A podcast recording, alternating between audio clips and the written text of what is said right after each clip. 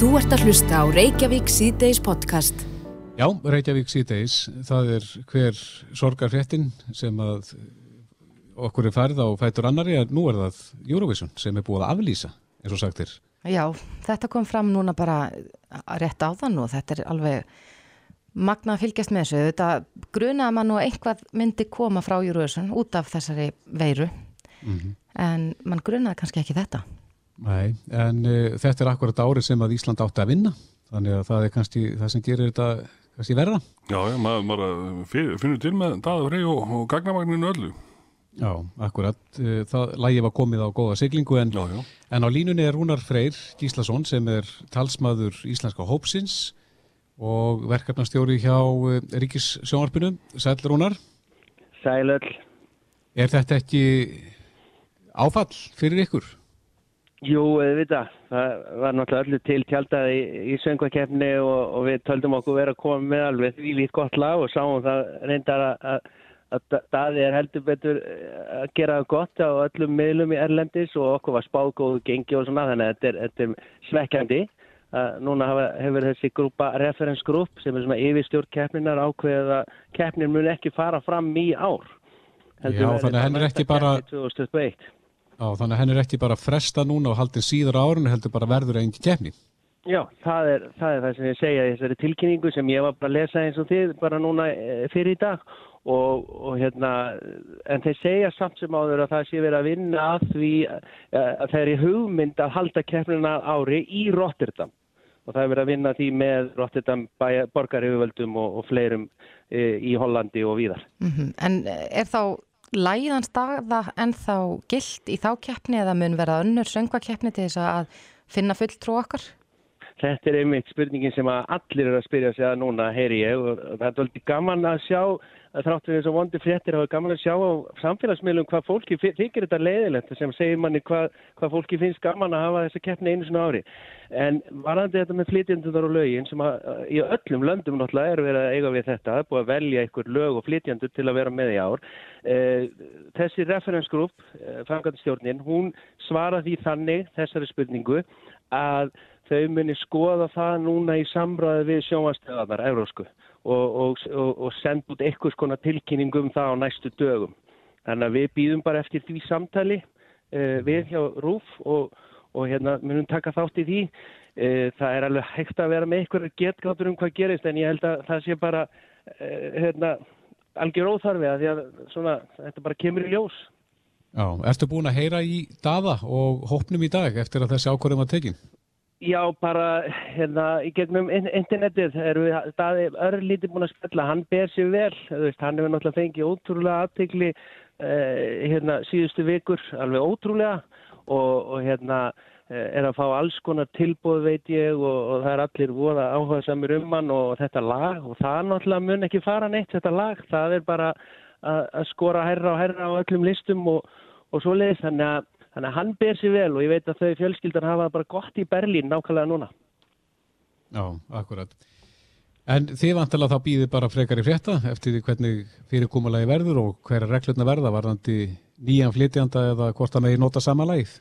Já, nákvæmlega. Þetta er svona eins og með rosalega margt í þjóðfélagin í dag. Það er bara hérna, svolítið allt á haus og, og fólk er bara stanslust að meta hlutinu upp á nýtt og taka ákvarðanir og svona og, og kannski Veist, þetta er Eurovision þetta er þetta leðilegt en ég fendi samt á að þetta er ekki stærsta vandamál í heiminum í dag. Þannig að við erum alveg, þannig séð rólið yfir þessu. Já, það verður allavega forvitnilegt að sjá hvort að, að eins og við sáum öll í sjónvarpunni, það var allir til tjaldað þegar söngakeppni var, hvort að þetta verður gert aftur að ári eða Já. hvort að daði flyti sitt lag. Nákvæmlega, það verður bara gaman að velta því fyrir sér og, og, og hérna, komast að ykkur í niðurstöðu svona á næstunni. Já, Rúnar Freyr Gíslason, uh, upplýsingafulltrúi Íslenska Hopsins í Eurovision og uh, verkefnistjóri hjá Ríkisútvarpinu. Kæra þakkir. Takk sem leiðis, bless bless. Þetta er Reykjavík C-Days podcast. Já, það er lítið eh, annað rætt þessa dagana heldur en kórunuveiran en, en við vitum og höfum séð á frettamælum að ástandið hefur verið avarslæmt á Ítalju. Hefur verið bara einna verst þar og, og uh, sá nú eitthvað myndband í gær sem hefur gengið á netinu, þar var ítalsku maður að fletta dagblæði og farið við dánatilkynningarnar og, og þetta voru tíu blaðsýður sem hann taldi. Já, þetta er algjör hillingur að, að sjá þetta sko. Já, akkurat og maður er að heyra margar hillingssögur. En eh, Baldur Jónsson, hann býr réttur utan Bólónia, er þar, býr þar á samt eh, 18 ára sinni sínum, andra fannar í Baldursinni sem er að spila með Bólónia. Og Baldur er á línunni, kom til sæl? Sæl. Já, hvernig myndið þú lýsa ástandinu núna þarna í næsta nákvæmni við þig?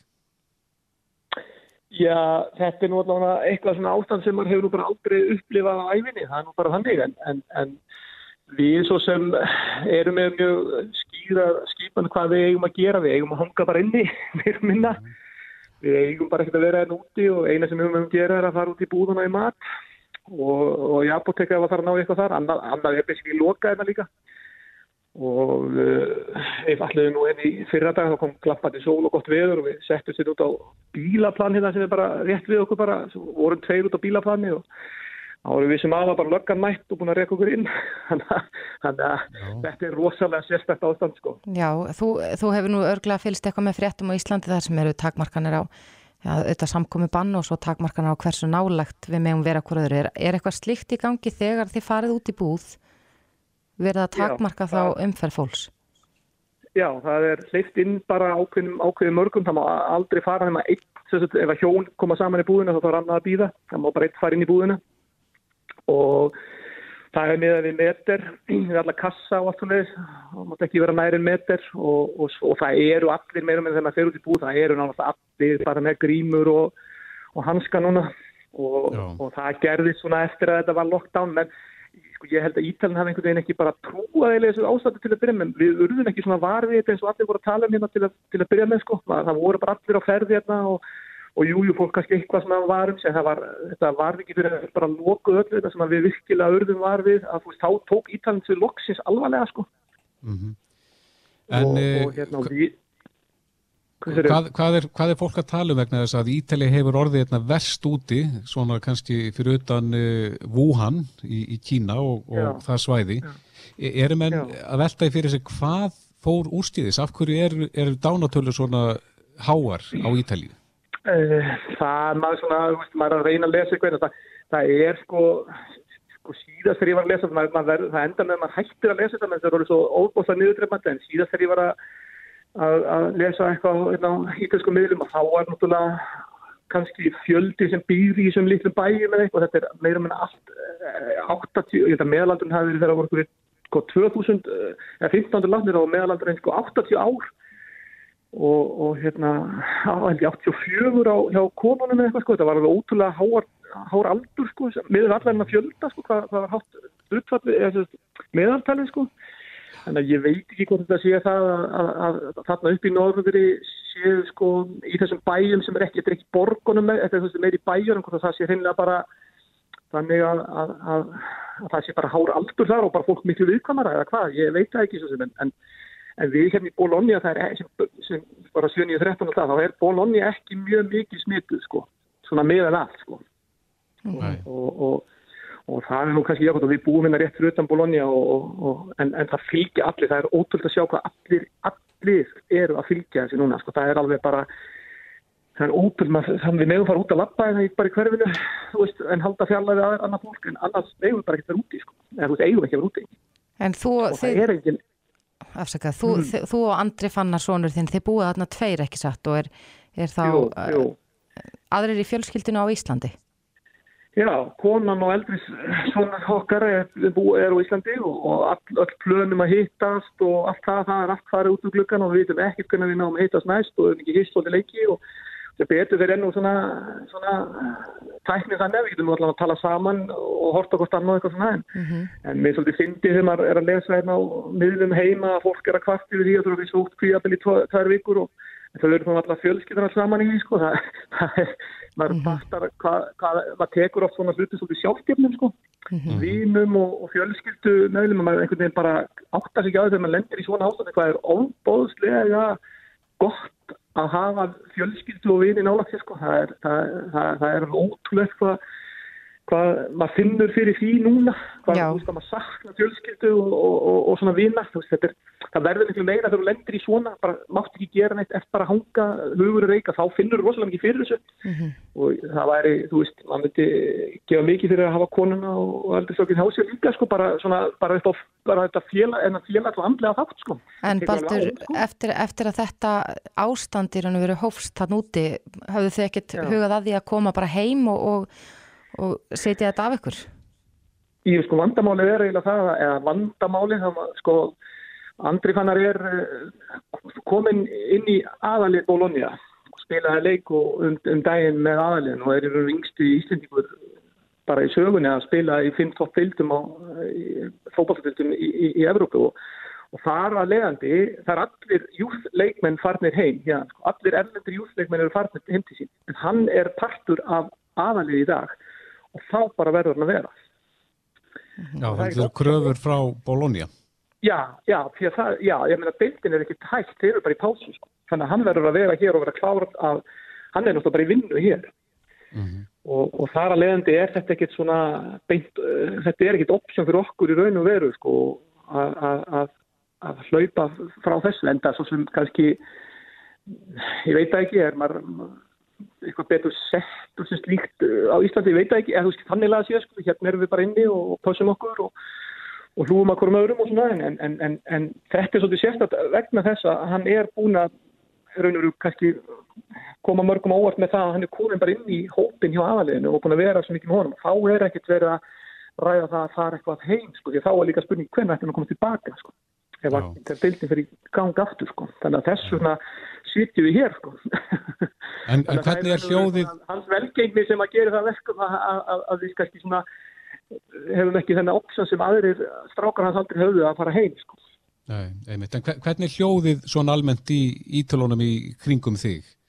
Er mikill ótti? Það, já, sko, við erum, já, eða svona, já, maður sér það alveg á fólkinu, við búum hérna í húsi, eh, leigjum hérna hjá, hjá, hjá eldri, eldri hjón, eh, komin á áttræðisaldurinn sem, sem eiga þetta hús og, og sonur þeirra hérna og, og þau bara stýð ekki fæti út til dæmi, sko, það er bara, við settum hérna rétt út í garð hérna fyrir framann hérna og það mátti ekki því að þau eru alveg skítrætt við þetta sem eðlilega því að það tölunar eru, það er gamla fólki sem er að að sem er að láta sinna. Þannig að, þannig að það er sko það er og þegar þú fer, er það að lappa hérna í hverfinu þá serðu sem fólk sem er með grímur eftir sko, lega nálgast maður þá setur það upp sko. þannig að já, fólk er fólk er hrætt og eða svona, það er bara mjög, mjög passasamt. Já, akkurat. þú veist, hvort það sé hrætt, ég get ekki fullir kannski en, en, en það er mjög passasamt og, og ef þú fer í, ef þú fer í bú það er vörður í hverju einustu bú núna sem að hleypar inn og svo er annar yfir vörður í við kassana sem að tryggja það og haldi fjarlæðinni og allt svo leis og, og stýrir því öllum þannig að, þannig að þeir eru að taka þetta mjög alvarlega núna og, en, en hvort þeir hefur mátt gera það fyrr það er, það er svo sem alltaf þessi stóra spurning sko en allavega þeir eru að því núna það fer ekki til mála Gott að heyra og við vonum að þetta líði bara sem uh, hraðast hjá. Baldur Jónsson í, á Ítalíu, rétt utan við Bologna. Kæra þakki fyrir þetta. Hákvæð takk sem við Hlustaðu hvena sem er á Reykjavík C-Days podcast. Hildur Sif Harastóttir, fórstöðumadur lögfræðisviðs hjá Vís, er á línunni, komdu sæl. Sælublessu. Já, hver er ykkar stilningur á, á túlkun þessa neytandaréttar? Um, já, við náttúrulega höfum þetta orðið verið við það á, á síðustu dögum og vikum að fólk hefur verið í auknumæli að hafa samband við okkur á vís og eru með vanga veldur varandi rétt sinn uh, og eru að velta fyrir sig þá fyrir um ferðalögum. Og fólk hefur auðvitað áhyggjur af ástandinu og er jafnvel ekki að treysta sér í ferðir og, og þá er það kannan með uh, rétt til dæmis úr, úr fórfallatryggingum sem það hefur hjá okkur. Og við þetta mælum með því að fólk alltaf kynna sér vel þar tryggingafensunar með áður en það uh, hérna, ferðastæði ferðalög. En hérna, kannski viljum bara benda það að það er auðvitað, ef að flugfélag er að aflýsa ferðum, þá er bara, saka TS reglum réttir til endurfræslu frá flugfélagum og samgöngustofa er með ítalega upplýsingar um, um þau réttindi sem fólk getur kynnt sér það betur. Og svo þetta hérna, er það þannig að fólk þarf að leita sér um, í rauninni leita að endurgræslurétti hjá flugfélögum eða ferðarskrifstofum eða til dæmis eins og hjá gistisala hótelum eða annars þar eða allar sér að aflýsa ferð. Og er rauninni þar að, já, eins og segja, leita fyrst tanga áður en að það gerir gröfum bætur í, í til dæmis svarfallatryggingu og í faratryggingu sem fólk er með eh, þá og í tengslu við þessa COVID-veru að þá eru þetta ákveðin skiliði sem þarf að uppfylla til þess að, að það stopnist bótar eftir úrtryggingunum. Mm -hmm.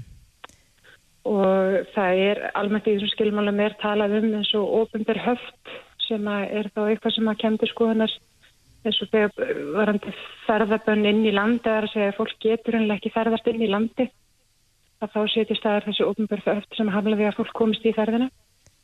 Já. og eins og sé þannig að við beinum fólki á að hafa þetta samband og ef að, að flugið aflýst eða, eða ferðarskvist eða fellir niður ferð eða, eða fólk hérna, ápanta með ferðarskvistu og þá á það auðvitað samkvæmt þessu lögum takkaferðir rétt til endurkvæslu annarkvæmst í held eða hluta þannig að við hvetjum fólk til þess að kanna það og, og hérna, hafa svo samband við okkur og, og tilkynna uh, tilkynna aðtöki til okkar og við tökum við þetta alltaf skoðanar. Já, en það er þetta þannig er það ekki að, að ef þú ert að kaupa pakkaferð sem er þá flug og gisting erlendis, að þá gildi ekki sömu reglutnar um það og við erum svona að tala kannski já, um pakkaferðnar akkurat núna. Já, akkurat. En, en í þessum tilvikum þessum fólk á pantaðarferðir út þá áðað rétt á bótum er það ekki rétt skilja á mér ef að í raun og veru þessu ofinböru höftir til staðar og, og þau komast ekki inn í landið. Já, eins og segja, ef, ef, ef, ef fólk fær ekki endurgröðslu frá til dæmis fljóðfélagi eða, eða hérna, farsala þá, þá hérna, og það er um að ræða einhvers konar ofnbar höft sem að hamla fólki frá því að, ferðast, það bara hennilega kemst ekki inn í landi, þar þá getur það gert kröfu í forfallatrygginguna sem er með hjá tryggingafélagi. Já, þú heyrðir í, í breyka hérna áðan eða þetta, er, ertu ekki samvala hans tólkun af þessu? Uh, samanlægstúlkun varandi lögum pakkaferðir. Já, að fólk eigi þennar stílösa rétt á því að fá fulla endurgræslu innan 14 dagum. Já, það ætla hann að verið styrra nokkuð skipt orðað í, í lögunum, já, algjörlega. Mm. Hérna, eins og ég segja, og við höfum verið að beina fólki auðvitað á að hafa samband við verðarskostur til að virka þennar réttin og, og hérna, að söpa það að, að leita þess kostnað sem á rétt á hjá uh, farsölum. Mm -hmm. Er, eru ferðaskrifstofunar, eh, eru þær tryggðar hjá innlendum tryggingafélugum? Nú þekki nú ekki nákvæmlega hvernig tryggingum ferðaskrifstofu er háttað svona almennt. Eh, við höfum verið að vera að horfa á þetta út frá í rauninni sem tryggingum sem einstaklingar eru með hjá tryggingafélugum. Þannig er þetta á ferðatröður eða forfællatröður. Já, akkurat. En nú neytind, hafa neytindarsamtökin líka bent á það sko, hversu mikilvægt það er að hafa öll samskipti skrifleg Er, er það eitthvað sem þú mælir sérstaklega með að, að fólk hafi sendið skriflega þá tölvuposta eða bref í stað þess að ringja?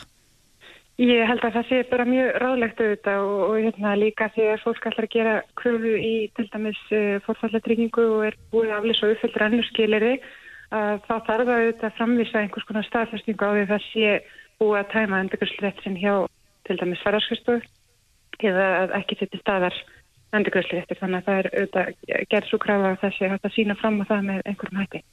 Já, hver, hver er þá tröppugangur í þessu? Það þarf að byrja þá hjá þeim sem að selur ferðina?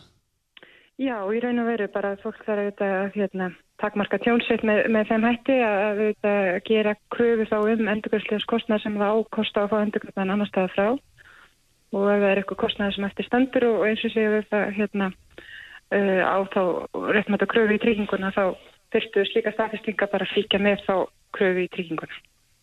Eru margir að leita til ykkar þessa dagana vegna slíkara mála?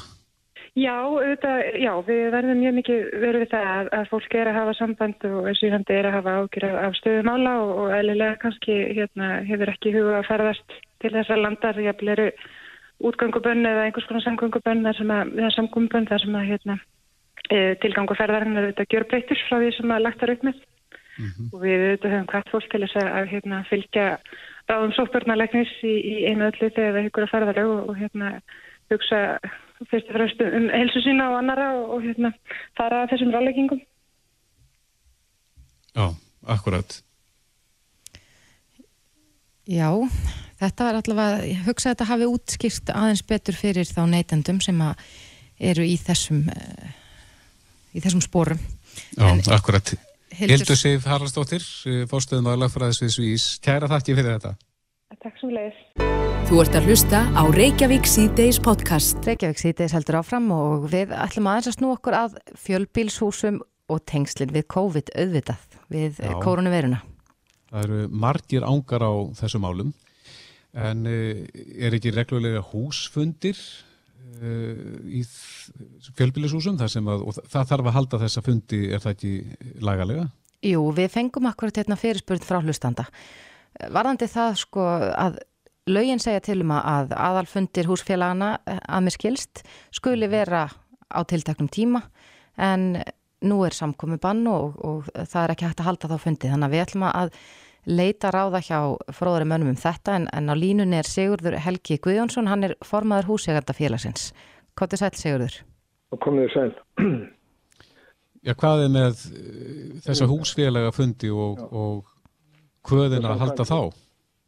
Samkvæmt lögum við fjölögn hús þá á að halda aðalfundi fyrir lok april á hverju ári og það er stjórn húsfélag sem ber lögum að undirbúa fundina og ber ábyrða því að það sé allt samkvæmt lagana, bjóðan og forskrift.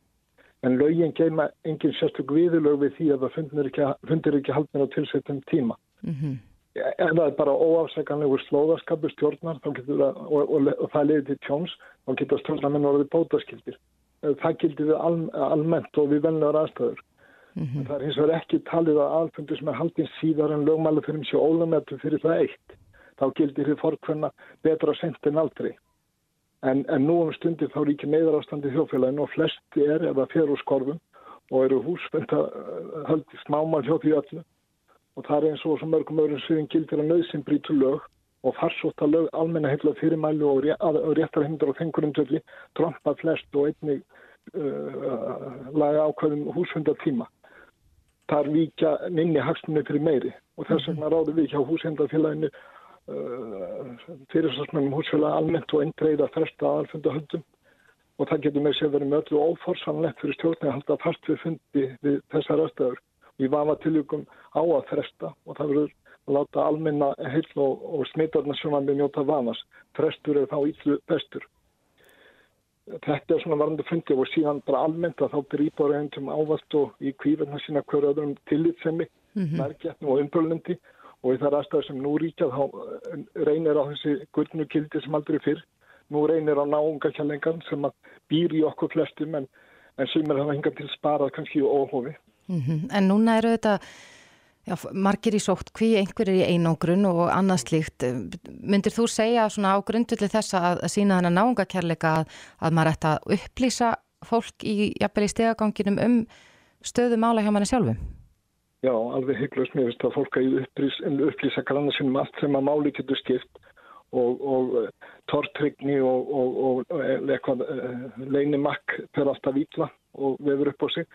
En ég held að við ættum bara að sanna núna að, að, að það fórkvæmna góðu granni sér gulli betri og mm. fari ég nú allir eftir þeim fyrirmann sem okkur er gefin og sem að vega mikið þingra heldur en, heldur en einhver, einhver ákvæði fjölegnum og svona.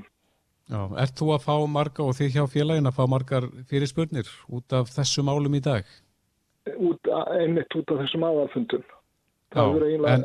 aðeins verið það en En, en síðan sko, verðist allt hafa fallið ljúfa löð annars í samskiptum í bóreiganda þegar það hugsa um eitthvað annað eins og gefur að skilja. Já. Er ekki endilega standað í ykkur milddeilum kannski akkurat á þessum tímum? Nei, nei, ég, ég held að, að, að náunga kjærleikurinn sé bara að blómstra. Mm -hmm. En hafið þið, feng... Afsaka, hafið þið fengið einhverja fyrirspurning? Sko, ég, ég hef heyrt af því að, að sum húsfélög sé að taka uh, já, samanráðin og setja spritbrúsa hér og þar að láta sótt hreinsa hurðar húnna og aðra svona sameinlega fleti. Já. Hefur þetta eitthvað ratað til ykkar? Nei, ekki. Ég veit að fólk er að gera þetta hvað sem er að reyna að hafa viðengandir ástafanir en þetta er ekki þá fjöleiknásalögin sem að stýra því. Það eru þessi sjónamið og grundvöldi sóttvarna og, og, og helbriði sjónamið sem að, sem að ráða því. Já, Sigurður Helgi Guðjónsson, formadur húsegandafélagsins, kæra þakki fyrir spjallið. Já, takk fyrir og gangi ykkur vel. Takk. Best. Reykjavík síðdeis á Bilginni podcast. Já, Reykjavík síðdeis á Bilginni og það eru nýjar fréttir þegar kemur að sóttvörnum uh, við fréttum að því núna í dag að, að nú verða allir þeir Íslendingar sem að koma með flugi að utan að, að fara í sóttkví. Þetta er ekki bara frá þessum stöðum sem hafa verið nefndir. Veldur er allur heimurinn undir núna. Íðir Reynisson, yfir lauruglu þjóttni á Ríkislaurugustjórir á línni. Kom til sæl. Komið sælir. Hvers vegna er greipið til þessara ráðstafana núna? Já, þetta er bara eins og, eins og við höfum oft sagt, við erum að vinna eftir ákvöna hættumatti sem við uppfærum á hverjum degi. Nú spáum við því sem þetta að, að það sem að þetta er alltaf að vera meira og meira útbreytt í kringum okkur og þá séu fleiri lönd að ná þessu viðmiði ef við getum kallað það svo að, að það þurfi þeir sem að komið þann fyrir að fara í sótkví og nú er þetta orðið bara svo á svo mörgum stöðum að við ákveðum að frá með morgundeginu myndi þetta gilda bara allstaðar. Það er, það er ekki mörg lönd sem að, sem að hérna, eru þannig að, að þetta myndi ekki gildum og, og, og það var einfaldast fyrir alla að, setja sömur regluna bara því að, því að hérna, það er bara það, það sem við gerum þar við þurfum að reyna að hafa það framkvæmulegt. Já, en er ástandi komið á eitthvað nýtt stig? Við sáum uh, svona þessa miklu fjölgun á, á tilfellum staðfestum í gær. Eru veldis áhrifin að, að fara að segja til síðan núna? Nei, nei, ekki, tölunar í gær er ekkit endilega dæmið það. Í gær var tekið miklu meira sínum heldur við verðum að gera. Við erum ennþá í því að, að, að við erum að eldast við þessar líklegustu einstaklingar sem eru sagt, yfir 50, yfir 50% af þeim sem við erum að greina eru þegar í sótkví mm -hmm. og það eru um það byrjum 10% af þeim sem að, sínum sem eru tekin á hverjum degi sem eru jákvæð af þessum afmarkaða hópi sem hefur einhverja tengingu í smitrækningunni og þar alveg það hefur ekkert breyst en, en, en tölunar í gær og, og munu, munu vera þannig núna næstu, næstu dagana. Það fyrir bara til hvað við náum að greina mikið að sínum á hverjum degi og, og það er fólk sem vinnur við það hjá, eins og verið þetta ansbytuna það leggur náttúrulega bara nótt við dag við að við að láta þetta ganga upp. En í gær var, voru frettir af því að af þessum ástralska ferðamanni sem lést á Húsavík. Hefur eitthvað freka verið varpaljós og það hvað allir dauða hans? Nei, þetta er nei, því miður, það er þannig staðan á því máli, það er bara verið að, að skoða það og, og það mun taka þetta tíma í þessu ferðlöndu saman, þannig að það er ekki að, ekki að segja neitt um það en þá sko. Mm -hmm. Það var hringt inn í símatímaðan og, og þeirri spurningu velt upp hvort það kæmi til greina að, að uh, banna viðstifti með krónur, þessi brefpinninga og, og, og mynd. Já, við erum búin að hérna, byggja um það að, að sem flestir noti snertilegsa lausnir og þá erum við að hugsa um, um þessar smittleiðir þannig að, að það er svona sem ekki verið rægt að banna það en, en við höfum kvartið þess að menn noti snertilegsa lausnir og, og fyrirtæki hafa lagt sér fram við það að að koma til mótsu viðskiptavinni sinna með þeim hætti þannig að, að bæði til að verja starfsmennina og, og auðvitað til þess að að hérna, fækka öllum þessum smillaðum og það er það, en, en bann hefur við ekki rætt. Nei, þannig að það hefur ekki ennþá komið til. En nei, nei. Nýjustu upplýsingar eru, það er rétt með 250 staðfest smita á landinu. Það er rétt, já. Hafa verið tekið mörg síni í dag, eða búast við að tölutna minna hækka? Já, já, það má, það má alveg búast við því og, og hérna Það er mikil, mikil vinna í gangi núna í bæði hjá verudeldinu og svo er eins tölvörsta sínu sem hafa verið tekin á díkót þannig að við vonum því að, að í kvöld eða fyrramálið þá, þá verður búið að kera þær tölvur inn og, og við munum sjá einhverja, einhverja hækkun, það er alveg auðlust. En það var líka sagt að, frá því fréttum að það væru um, eitthvað, ég held að það hafi verið fimm, fimm einstaklingar sem að hafa náð sér algjörlega, er það rétt? Jöp. Heldur sér komið fyrir nýju, það var bara askabla gleðilega frettir sem við erum að fá að, að svona þessi sem voru í hópinin sem, hópin sem var að smitast fyrst að það eru, eru einstaklingar að ná sér og, og það er bara það er mjög gleðilegt í öllu þessari brekku sem við erum í og við séum fann að, sjá það, það, það hérna hjálpar okkur að geta brósað. Og verður fylst með þessu fólki svona til þess að sjá hvort að það sé einhver eftirkvöst veirunar? Ég veit ekki hvað sem mikið verið fyllt með þeim eftir að þau hafa verið sagt, útskrifuð, eða getum kallað það, er ekki þessum fólki sem er lagst á spítala en eftir að þau hafa verið sagt, úrskurðuð að þau séu, séu orðin helbi. Ég veit ekki hvað sem mikið, mikið verið fyllt með þeim en, en það fólku er, er, er að hugsa um, um sína helsu og hefur þá samband við sín lækni eða sína helsukjæslu ef, ef það kom einhver, einhver bakslægi það, ég ger ráð fyrir því bara. Mm -hmm. Á þessum fundi ykkar í dag að þá var að því Þóralu Gunnarsson svo þetta læknir við því að fólk væri að uh, handla með ykkur heimapróf. Hva, hvað, hva, hvað er þar í gangi? Já, það er alltaf eins og, eins og er þegar einhver svona ástand kemur, þá var alltaf einhverju með einhverjur, einhverja lausnir og, og einhverja hugmyndir sem er náttúrulega bara, er ágætt í sjálfu sér að, að fólk með, með hérna, hérna reyna að sjá, sjá hlutin og sjá lausnir en, en það sem að Þórulega á við er það að þessi próf sem að hann hefur alltaf að skoða að, að þau eru ekki, ekki hérna áræðileg og þau eru, hafa ekki verið prófuð endilega fyrir, fyrir þessu þannig að niðurstöður og þessum prófum eru ekki áræðilegar og, og geta geta allavega að gefa falskar, falskar niðurstöður sem getur náttúrulega verið mjög slemt. Þannig að það er ekkert á þetta treystandi. Eru þetta próf sem er verið að selja hér heima? Þetta er þessi próf sem er að kaupa og panta sér á netinu. Það er það sem við höfum skoðað. Já, akkurat. En e, svo hefur líka þeirri spurningur velt upp að því að nú er búið að, að beina þeim tilmælum til allara sem komið til landsins að þeir fari í sótkví í 14 daga.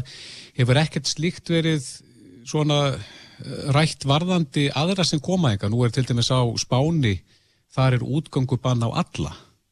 Já. Ekki bara heimamenn.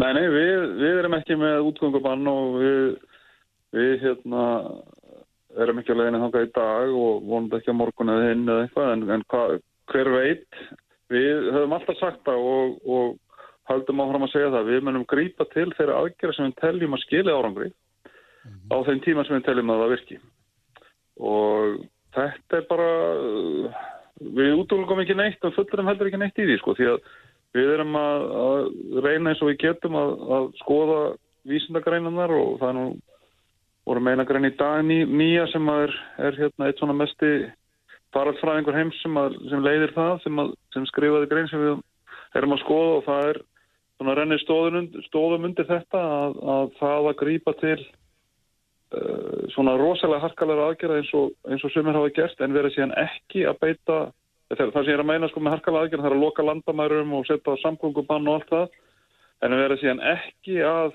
greina eins marga og getur og verið ekki að setja fólki í sótkvíð og verið ekki að setja fólki í einangrun mm. það er ekki að skila þeim árangur sem þarf það er þessar en eru svona verið fyrir nokkuð sammála því að þegar, þegar að eiga við veiru eins og þessa þá séu það það sem skiptir máli það er að reyna að greina sem fyrst smittuð einstaklingana.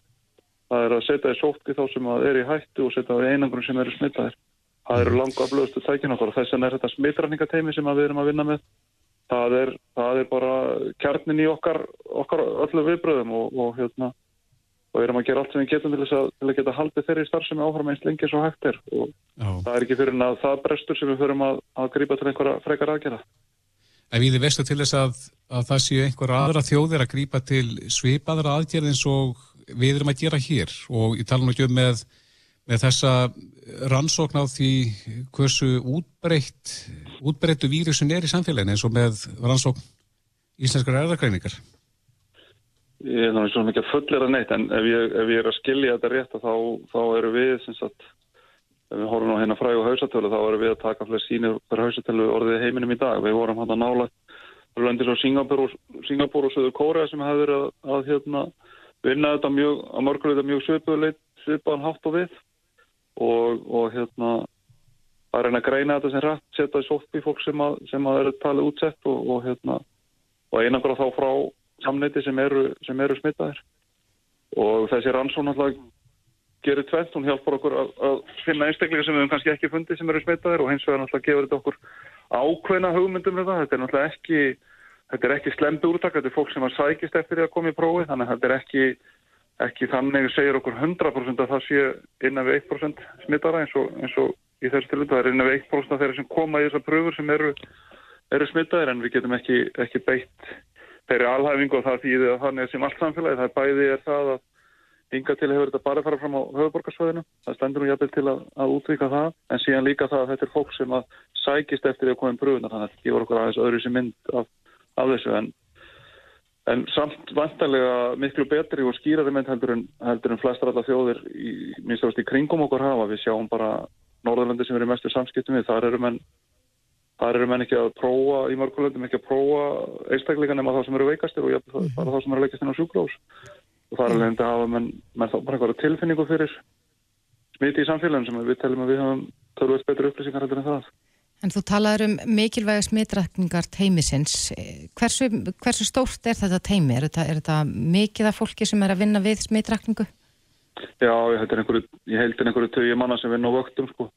Og hefur bæst við þennan já, hóp? Já, já, við, við erum búin að fjölga eins og við getaði í því og, og reynda að steyðja við á með, með svona annars konar vinnu líka. Það er mikil skráning að vinna á skjálavinslaði kringum þetta, þannig að við erum að reyna að styrkja það eins og, og vorum bara að, að funda með þeim sem að svona, halda utan það teimi á þann og, og sjá hvað við getum gert til þess að efla það eða er einhver möguleiki en, en það er svona, það er svona ákveðin takmarka á því hvað hægt er að setja marka í þetta.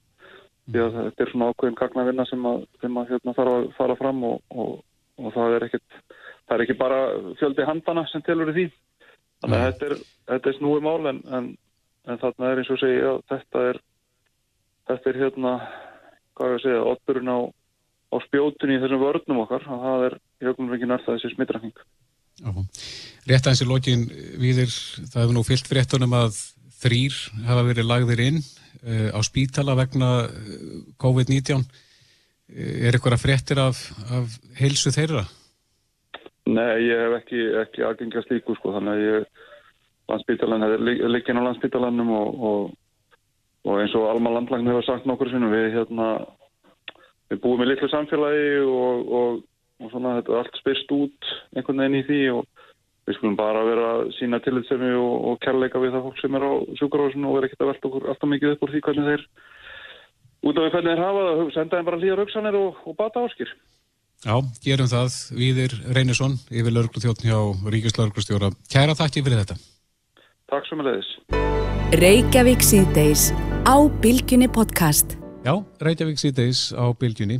Eh, það bárust þessar ríkalögu fréttir í gæra því að, að um 20 viðbræðsadælar fyrir norðan eru komnir í sótkví eftir að maður sem að þeir syndu eh, greindist með eh, COVID-19 og uh, þetta er náttúrulega mikið blóttaka þarna fyrir viðbrastæðila fyrir norðan en, en ég veit að margir að velti fyrir sig núna í hvað stöðu eru menn þegar að kemur að endurlífgun mm -hmm. eða sinna þeim sem að þurfa aðstofa að, að halda hvort að uh, ráleitingar til endurlífgun hafi eitthvað breyst Við erum komin í samband við Hjört Olsson, hann er hjertalæknir og formaður endurlífgunar ás. Kom til sæl hjörstur? Já, sæl. Já, leiðbeiningar ykkar hjá endurlíkunaráði, hafa, hafa þær eitthvað breyst svona með hlýðsjón af þessari veiru sem er að ganga? Nei, raunar ekki vegna þess að það hefur það verið einsar, einsir vágestir hjá okkur, það við talaðum hérna HVF-síkingar og svo leiðis mm -hmm. sem, og ég meina líka bara influensur og annað, ef sjúklingur er veikur þá er þetta að gæta okkar og við hefum ekki að nota Eh, við hefum að nota hanska, við hefum að nota eh, hlýðarfatna þegar við erum í endurlíkun mm -hmm. og núna þegar við erum með þessa loftvegarsýkingu í gangi þá er kannski ást, full ástæði til að nota þá meiri maska, þá veiru maska sem eru þá þjettir mm -hmm. og annað e, ef fólk kemur inn, ef við vitum ekki hvað um er að ræða. Hluturinn, hluti þeirra sem fá Eh, kransa, eða sko hjartastopp eru sjúklingar með kransaðastýplu það er oft eh, bara eitt stuð og síðan eh, vaknar sjúklingurinn ef það er lengri endurlíkun þá verður bara að nota skjólfatnað eins og ég er búin að tala um núna á hann bara eins og þeim erum búin að gera áður það er mm. ekkit breytt aðstæður en þetta er auðvitað kannski svolítið önnur vá sem við þekkjum ekki í dag. En þetta er loftuðarsýking og, og yfirleitt getur nú varðið okkur alveg sæmilega fyrir þenni. En er það sem sagt ekki um, já, svona protokól að nota þessa maska í hvert skipti heldur, heldur að verði aukið núna þá svona í ljósi þessara veru? Já, eh, við höfum talað um það þegar við erum að mæta sjúklingum á bráðamóttöku og, og líka á móttökum spítalana að nota veru síngar ef sjúklingar eru með hýta eða eitthvað annað Mm -hmm. En uh, nú er ekki alltaf sem að fólk veri hjartastopp inn á stofnunum þar sem að þessi maskar eru við hendina. Þetta getur verið, getur verið allstæðar út í samfélaginu. Hvað á fólk að gera ef að, ef að svona maskar eru ekki við hendina? Já, yfirleitt er, er, ráðlagt sem að ef þú þekkir ekki einstaklingin þá byrjar þau að, að hnóða og það er ofta ekki ráðlagt að ventilera. Stundum er eh, öndun aðstofa maski og hann er með filter sem hlýðir þér þá mm -hmm. eh, við öndunar, eh, já, öndunar sjúklingsins. Eh, þú veit ekki verið með hanska út í bæ sko en, en þú verður að hlýfa þið þannig. Yfirleitt er nóð og stöð síðan að þú getur náðið það ætið sem eru oft tilgengilega á mörgum stöðum. Mm. Þau eru kannski bara nóg en þarna í kannski tilfellin sem þið voru að tala um þá er það langdregin endurleikunum að koma fleiri að sem er kannski frekar óvanalegt. Mm -hmm. E, þannig er það. Já, en e, ef að þetta gerist bara út í bæ og það er bara almenni borgara sem að koma þessu er á þá að ringja fyrst og, og hnóða, er það nummer eitt og tvö? Já, stað, staðfesta stoppið, ringja á aðstóð og byrja hnóð. Mm -hmm. Og þá er í lægi að, að sleppa blæsturinnum? Já, það, sko, ef fólk getur komið við þá er það rálagt en það er búið að vera meðmæli að hnóða sé aðalatrið og hitt sé láti býða. Ef maður, ef maður, sagt, maður hingir í neðalínuna, auðvitað það er kannski eitt af fyrstu skrefunum að hafa samband við fagaðila en, en þá eru líklegast gefna ráðleggingar í ljósi þessara veiru núna. Já, nú veit ég ekki alveg nákvæmlega, það er mjög sennilegt sko, en, en oft á tíðum er þetta náinn aðstandið sem þú ert að sjá að fara í stopp, þannig að þá veistu meira um það heldur en ef þú sér bara einhvern út á götu, það er svona meira sjálfgeft. Já, akkurat. Þannig að það er yfirleitt þá, þá nánustu aðstandendur sem að, sem að grýpa fyrst í taumana þegar að fólk fyrir hjertastopp. Oft, já, oftast næri það. Já, en, en sem sagt í ljósi þess faraldur sem að geysar núna þá hafa svona ykkar áleitingar eh, ekkert breyst. Nei, það, það er bara að tala um það að nota ennan maska sem við notum svona út í bæ sem er en kviltir fyrir mm -hmm. uh, öndun sjúklingsins. Uh, það getur líka verið ælur og annað sem er vandamál við það en þess vegna er hnóðið og stöðið það fyrsta sem á að reyna að gera. Já. Hjörtur uh, Það er alveg Oddsson. 70% af fólki sem kann hjarta hnóð af þeim sem eru sjá fólk bara hjarta stopp og beita endurlíkurinni hnóðinu. Já. Það, það er svo há prósenta. Já. Já. Hjörtur Oddsson, uh, eh, hjartalæknir og formaður endur lífgunaráðs. Kæra þakki fyrir spjallið. Já, þakka fyrir mig. Þetta er Reykjavík C-Days podcast. Já, ég las frétt hérna á vísum helgina um að hópur sjálfbóðaliða ætli að sinna matar útlutunum á meðan á samkomu banniðri gildi. Vegna þess að nú hafa þessar þessi staðir þar sem fólk hefur áður nálgast matar útlutanir þeim hefur verið lokað. Og eh, þannig að þetta er nú allavega mjög gott framtak hjá fólki að, að halda þessu áfram og hjálpa þeim sem e, eru í þessari neyð. En á línunni er Stengrimur Sævar Ólafsson. Konti sætla blessaður. Já, góðan daginn.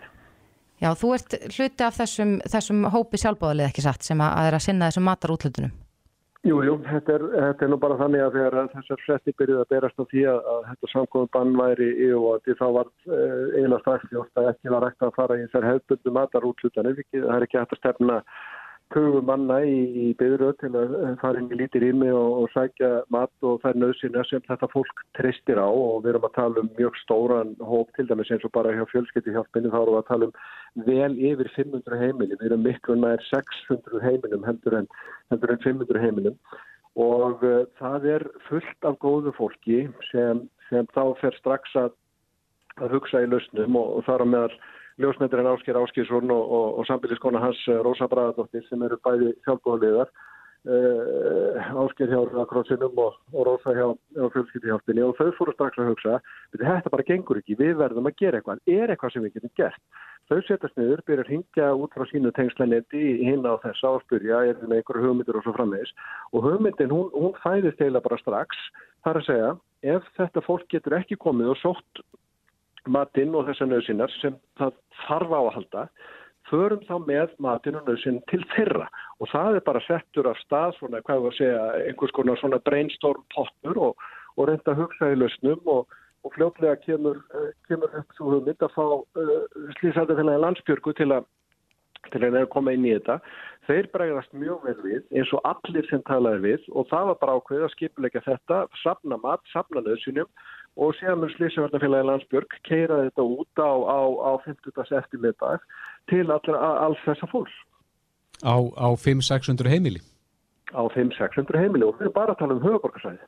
Já, hvernig er að fá fyrirtæki til þess að, að gefa mat í þetta verkefni? Afskaplega vel, það taka allir vel í þetta, það er alveg sama við hvernig tala við, hvort sem er að tala við einstaklingar eða stofnanir eða fyrirtæki, það bregðast allir vel við vegna þess að við vitum að þetta er nöðsynlegt, það er ekkert verið í einhverjum matarútlutunum upp á, upp á grín, þetta eru, þetta eru fjölskyldur sem eru fastar í fátakaragildum, þetta eru einstaklingar, þetta eru innflytjendur, þetta er fólk sem þarf á þess að halda og þess vegna verður að breyðast við og þess vegna taka líka allir rosalega vel í þetta.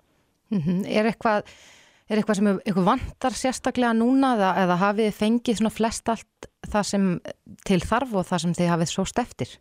Við þurfum alltaf meira af góðum, hotlum, næringaríkum mat. Það er, það er mjög auðvelt að, að, að, fara í, í einhverja skyndilösn og, og deila bara út einhverju, einhverju, einhverju skyndibita lösnum en það er alltaf þörf á, á næringaríkum mat og, og, og slíkum lösnum og það er kallað eftir því reglulega. Eh, síðan náttúrulega fór, þurftum við að lesa í með sjónurvandamál bara eins og við þurftum að, að hugsa þetta sem svo að að við settum upp skráningarsíðu, við opnum símaverð og þá, þá, þá er ekki nóg að tala bara íslensku. Þannig að við þurftum að finna fólkbæði til að svara í síma, til að þýða yfir á, á ennsku, yfir á pólsku, yfir á spænsku, yfir á arabísku. Við fórum síðan að hugsa svona hluti eins og í útkeslunni er, er, er það innan gæsalappa gáfulegt að vera á þrælmertum landsbjarga bílum til dæmis að keira þessar, þessar nöðsynir út. Það er ekkert allir sem vilja endilega auglýsa það fyrir öllu hverfinu að, að, að það sé að þykja eh, svona matarútlutanir. Þannig að, að við þurfum að hugsa þar í lausnum hvernig getum við bjargað því. Uh, við fengum þá bara lánaða bíla frá heklu, bílaðum heklu, þeir ætla bara að lána alla bílana í þetta til að við getum kertið út. Að sama með landsbergavenn, það stóð ekki á þeim, það bara já, hvernig getum við aðstóðið ykkur? Og, og, og það var að tala við almannavarnir og það er haft samráð og farið eftir tilmænu frá sóttvarnalækni og til að gæta alls öryggis, þannig að veist, þetta gengur rosalega vel. Já. En ef ég heyri rétt þá er, er auðveldar að fá óhotlustuna heldur en uh, hotlustufæði?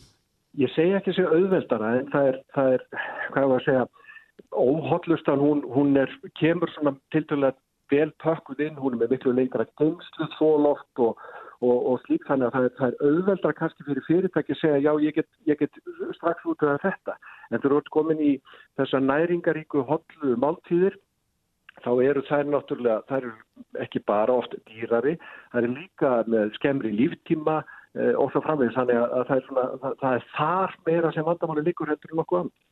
Já, Stengrimur Sævar, Ólason við bara hlökkum til að fylgjast með þessu og vonum að ykkur gangi allt í hægin. Kæra þakki fyrir. Kæra þakki fyrir að sinna þessu.